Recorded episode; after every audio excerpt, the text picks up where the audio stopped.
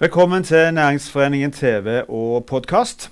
Familiebedriften ble starta for snart 65 år siden for å drive med skoleskyss i Ryfylke. I dag har selskapet om lag 130 ansatte, men heller ikke for Rødne ble året 2020 som planlagt. Reiselivsbransjen blør, og usikkerheten den er fortsatt stor. Lars André Rødne, velkommen til oss.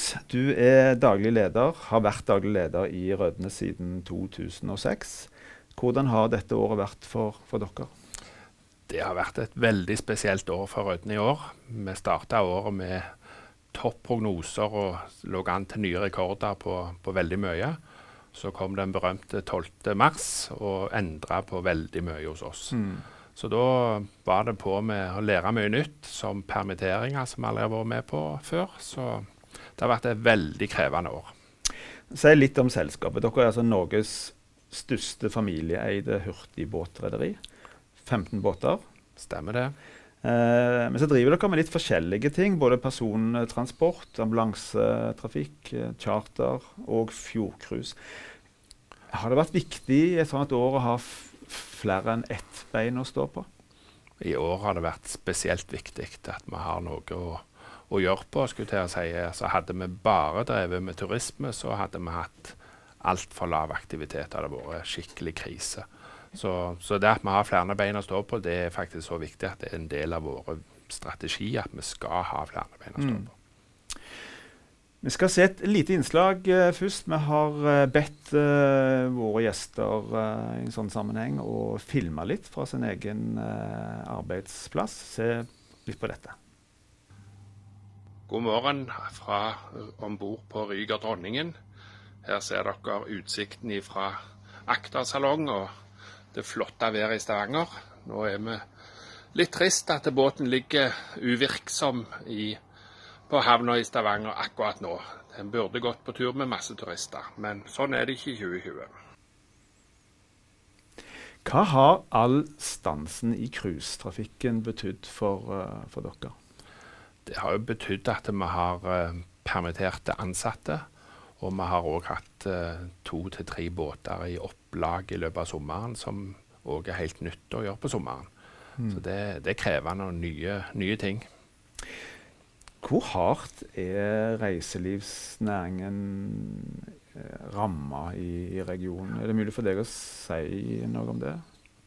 Jeg vet vel ikke hvordan alle har det, men hvordan vi har det, så ser vi en reduksjon i reiselivsdelen av vår bedrift på 60-70 Og det er jo ganske formidabelt eh, i, i, aktivitetsnivået. Mm. Du snakker om en omsetning på 30-40 millioner kroner som er vekke i år, sesongen 2020.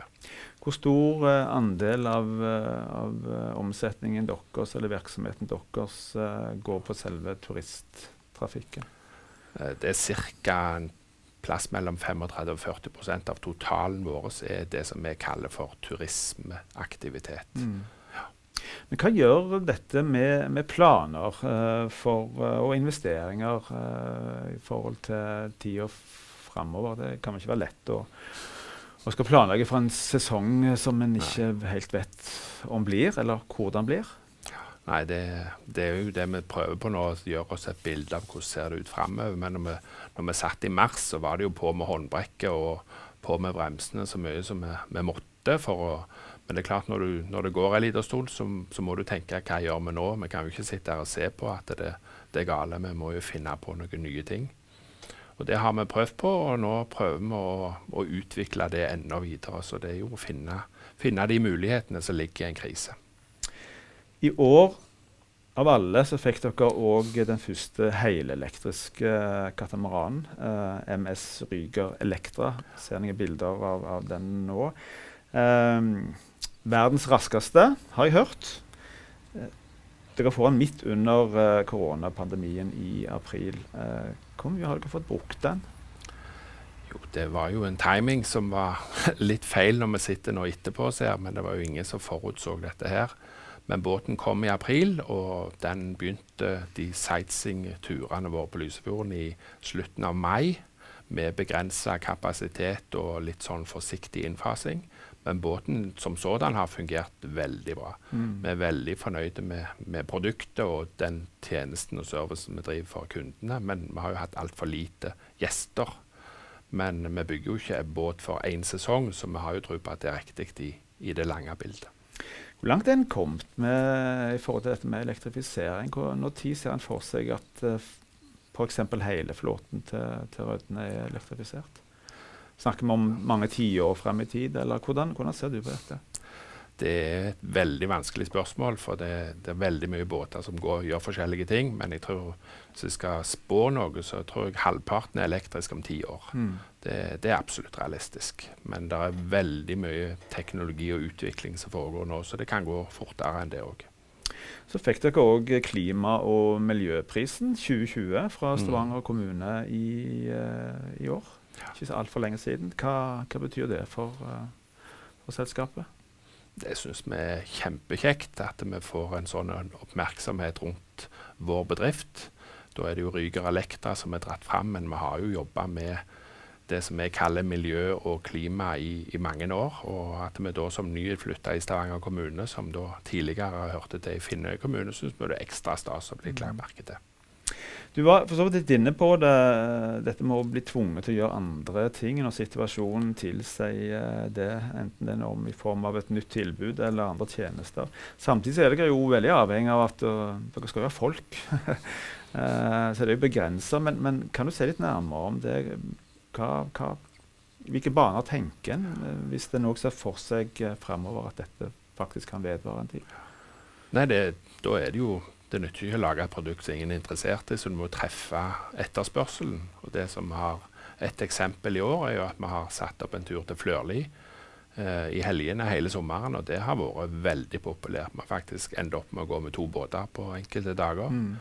Det henger sammen litt med at vi ikke får lov til å gå med full båt, men det har nordmenn tatt veldig godt imot. Er det nordmenn eller er det rogalendingene som er flinkere å ta seg uh, ut? Det er vel en blanding, men det er jo, Flørli er jo ei perle som ingen nesten klarer å reise til. Så vi har lagd en mulighet for å komme der til på en nesten sagt fornuftig måte. Mm. Så det har vært spennende. Så jeg sa innledningsvis at det starta egentlig med, med skyss- og skoletrafikken i uh, Skjernarøyen, med utgangspunkt i Skjernarøyene. Mm. Um, så har han vokst utover Rogaland, men òg opp, opp, til, til Hordaland, eh, hvor dere òg har eh, aktivitet. Ser, en, ser, du for deg at dere kommer til å ekspandere rent geografisk videre utover det? Ja, det tror jeg nok kan skje. Men vi har uh, alltid bygd stein på stein og tar ting litt sånn sakte. Når, men vi har hatt aktivitet i Vestfold og kortere aktivitet på Møre og i Tromsø-regionen. Så vi, vi, er ikke helt ukjente med, med, Norge som sådan. Men vi har ingen umiddelbare planer om mm. det. Men, men, vi ser at det er mulig. Når, hvis det åpner seg muligheter, så, så er vi der. Helt til slutt, hvis du ser, Nå er det vanskelig å spå, ikke minst nå, om, om framtiden. Men hvis du skulle se litt i et litt lengre perspektiv, hvordan, hvordan ser du på framtiden til selskapet? Jeg ser jo veldig positivt på framtida med de tingene vi gjør, og den fleksibiliteten vi har i, i fartøyer og forskjellige båttyper. Og jeg tror jeg, jeg vil hevde at vi har en veldig stor fleksibilitet òg innad blant de ansatte, som i denne her tøffe tida som har vært i 2020, har krevd av alle. Så vi har hatt en stor dugnad i hele Norge, men òg eh, mm. mye i Rødne. Så, så, det har jeg tro på at vi, vi bygger grunnmur nå for å, å, satse i nye 65 år. Det er jeg veldig overbevist på. Optimist. Veldig optimist. Lars André Rødne, tusen takk for at du kom til oss. Lykke til.